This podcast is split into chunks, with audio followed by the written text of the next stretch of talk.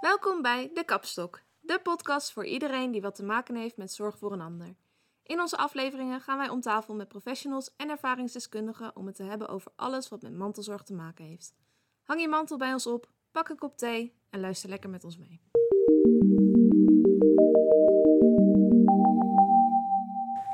Nou, daar zitten we dan, uh, Sibo. Ik zal eerst even mezelf nog voorstellen. Ik ben Mhm. Roosmarijn van Lier. Ik werk eh, bij Zorg Dat als sociaal werker met aandacht voor mantelzorg. En vandaag gaan we het hebben over jonge mantelzorgers. En eh, wil jij jezelf ook even voorstellen? Jazeker. Allereerst bedankt dat ik mocht aanschuiven. Eh, mijn naam is Sibel Jong en ik ben jeugd- en gezinswerker bij het Centrum Jeugd en Gezin eh, in Harderwijk. Nou, heel fijn dat je er bent. Ehm, zoals ik al zei, we gaan het hebben over jonge mantelzorgers. Het is deze week de week van de jonge mantelzorg. En ehm, ja, wanneer ben je dat nou eigenlijk als je opgroeit in een gezin waar iemand anders extra zorg krijgt? Nou, dat kan gaan over een, iemand met een handicap of een langdurige ziekte, eh, maar ook een verslaving. Eh, hoe kom je dat tegen bij jou op het, eh, bij het CEG? Nou, allereerst als we kijken naar de gezinnen die zijn aangemeld bij ons. ehm, ze komen bij ons vanuit de hulpvraag van de ouderen zelf. Of eh, jongeren eh, ouder dan 12 jaar die eh, komen aangeven waar ze mee zitten en waar ze hulp bij nodig hebben. En wat we zien is dat de focus ligt op het kind die een probleem heeft of ondersteuning nodig heeft. Ehm, het gevolg daarvan is dat de focus dan niet komt op het jongere broertje of de oudere broer, zus, die dan eh, geen beperking heeft of een problematiek heeft. Dus allereerst kom je het in eerste opslag tegen. Antwoord is helaas nee. Eh, daarin kunnen we bijna wel zeggen dat het eh, ook bij het begin het ver- vergeten kindje wordt. Ehm, op het moment dat je verder in gesprek gaat met ouders, ook bij hen thuis komt en de andere broers, zussen of broertjes en zusjes ziet, dan ga je doorvragen of dan zie je in het gedrag van eh, de ander wat er aan de hand is.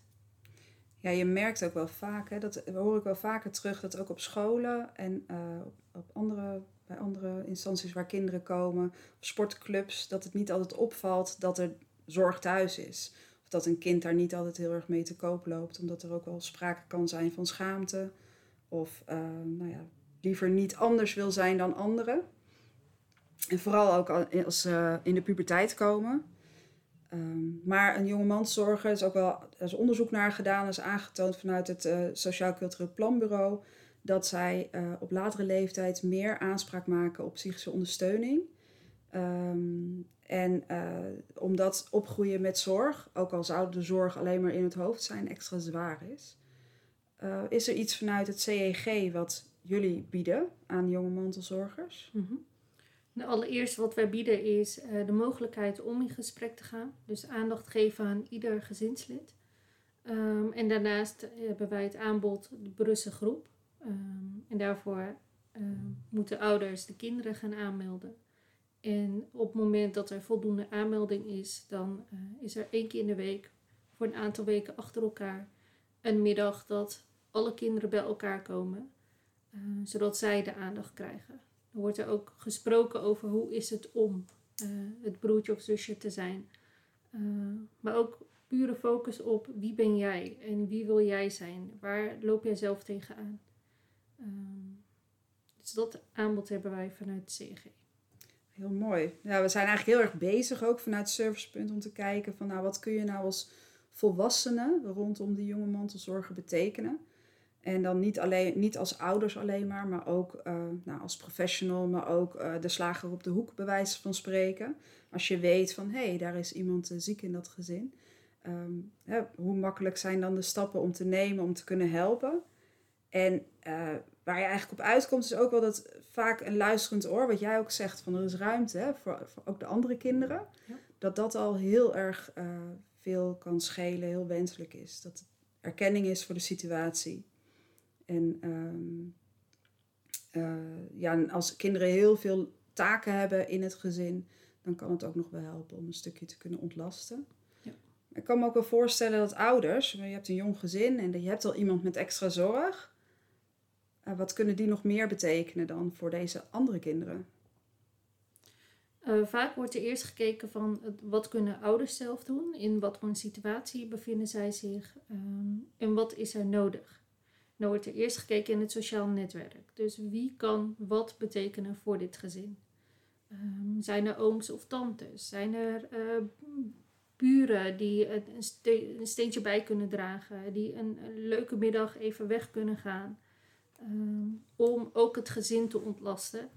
Uh, en vooral de mantelzorger te ontlasten van de volledige focus op het zieke broertje of zusje.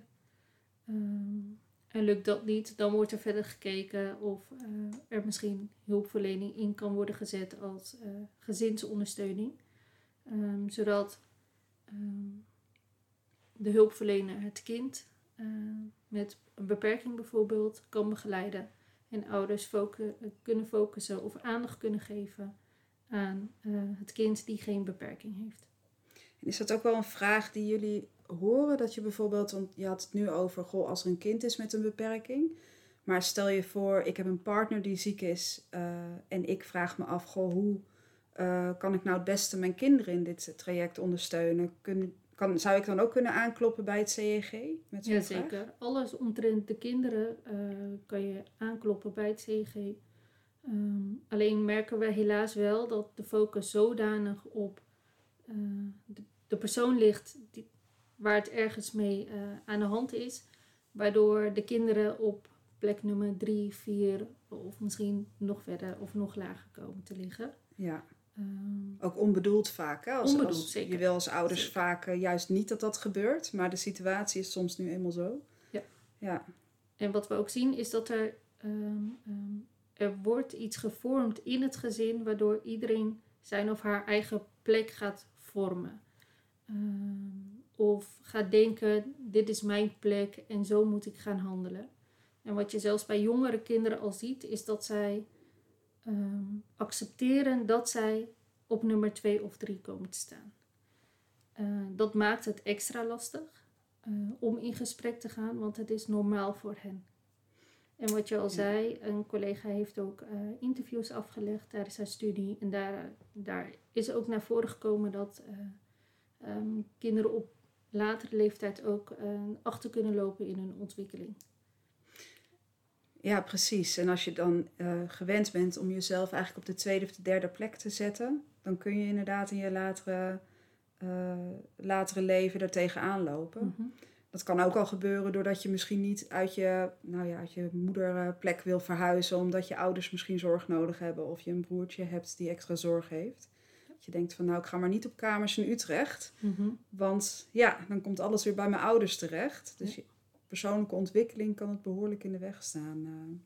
Ja, het wordt zodanig ontwikkeld dat jij uh, als mantelzorger jezelf gaat zien als ik ben onmisbaar. En dat is het punt wanneer het um, zorgelijk kan worden. Want ieder mens is misbaar. Um, alleen moeten we het toelaten. We moeten hulp toelaten, ondersteuning toelaten en vooral ook de emoties die wij dragen toelaten. Van het mag zwaar zijn. Ik mag zeggen dat het zwaar is. Of ik mag zeggen dat ik het niet red. Ja. Of dat ik even niet wil.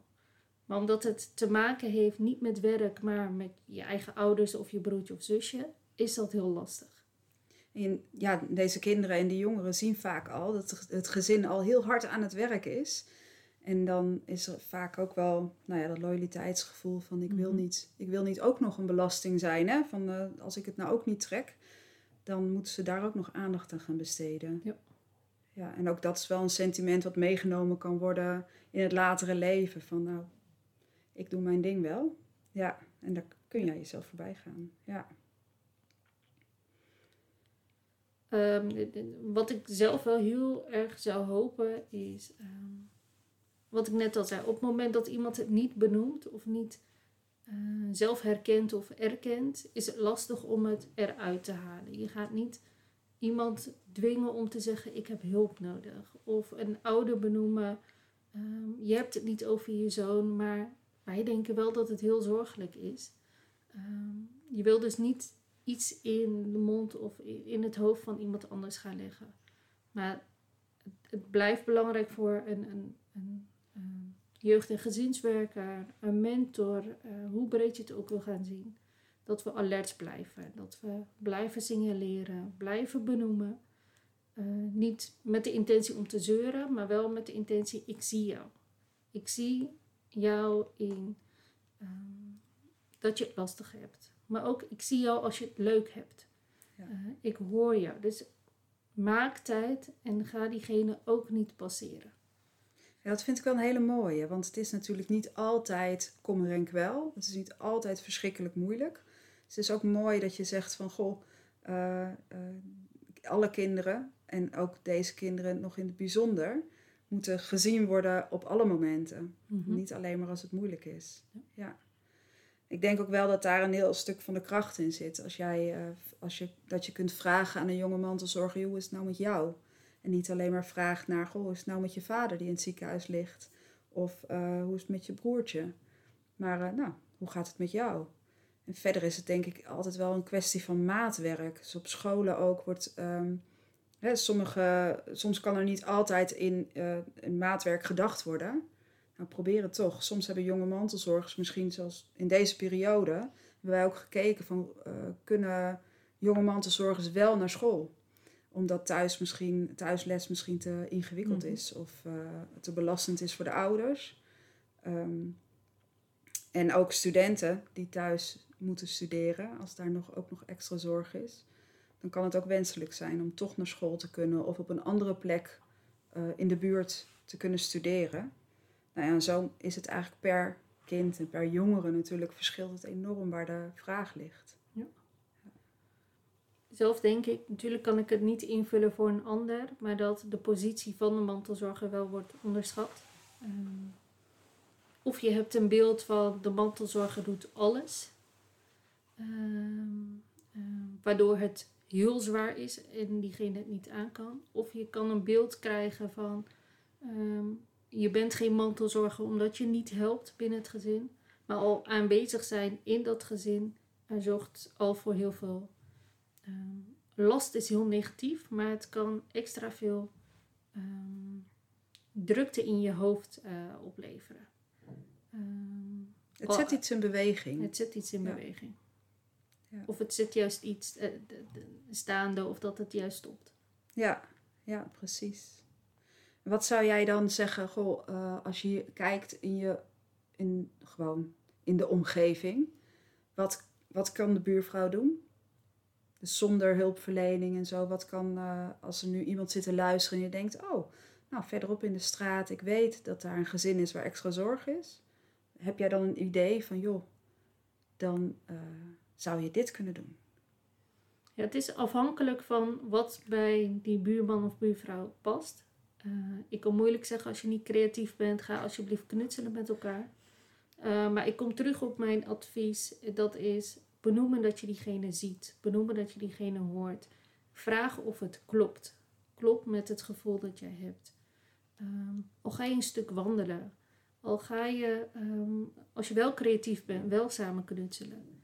Um, heb je uh, een, een, ergens een leuke activiteit gezien? Kijk natuurlijk wel in hoeverre je close bent met diegene, maar nodig diegene uit voor een activiteit. Um, maar nogmaals, ik blijf bij mijn basis benoemen dat je diegene ziet en hoort. En ook oprecht daarin zijn. Niet alleen zeggen van ik zie jou. Um, benoem wat je ziet. Uh, benoem, um, benoem diegene bij de naam. Zelfs dat is, kan al heel veel effect hebben. Ja, echt heel mooi. Vind ik eigenlijk een, eh, een ontzettend goede conclusie aan het hele verhaal. Ik weet niet of je zelf nog iets wil toevoegen, maar uh, ja, de persoon zien zit zoveel kracht in. Um, wat ik zeker wil toevoegen is het stukje, um, we weten dat we iets moeten doen. Uh, we weten dat ze er zijn. En vooral nu aan ons uh, als samenleving om daar ook iets voor te gaan doen. Uh, dus de gedachte omzetten in actie. En ik hoop dat dat gaat lukken. En wat ze ook altijd zeggen, begin eerst bij jezelf. Dus probeer het zelf uit te voeren.